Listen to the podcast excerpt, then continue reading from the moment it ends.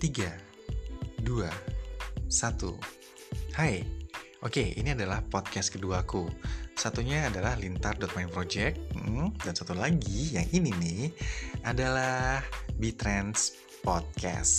Kayak gitu. Oke, uh, sama seperti di podcastku pertama di sini akan banyak menjelaskan sesuatu kegiatan. Kegiatan uh, kantor atau mungkin di luar kantor.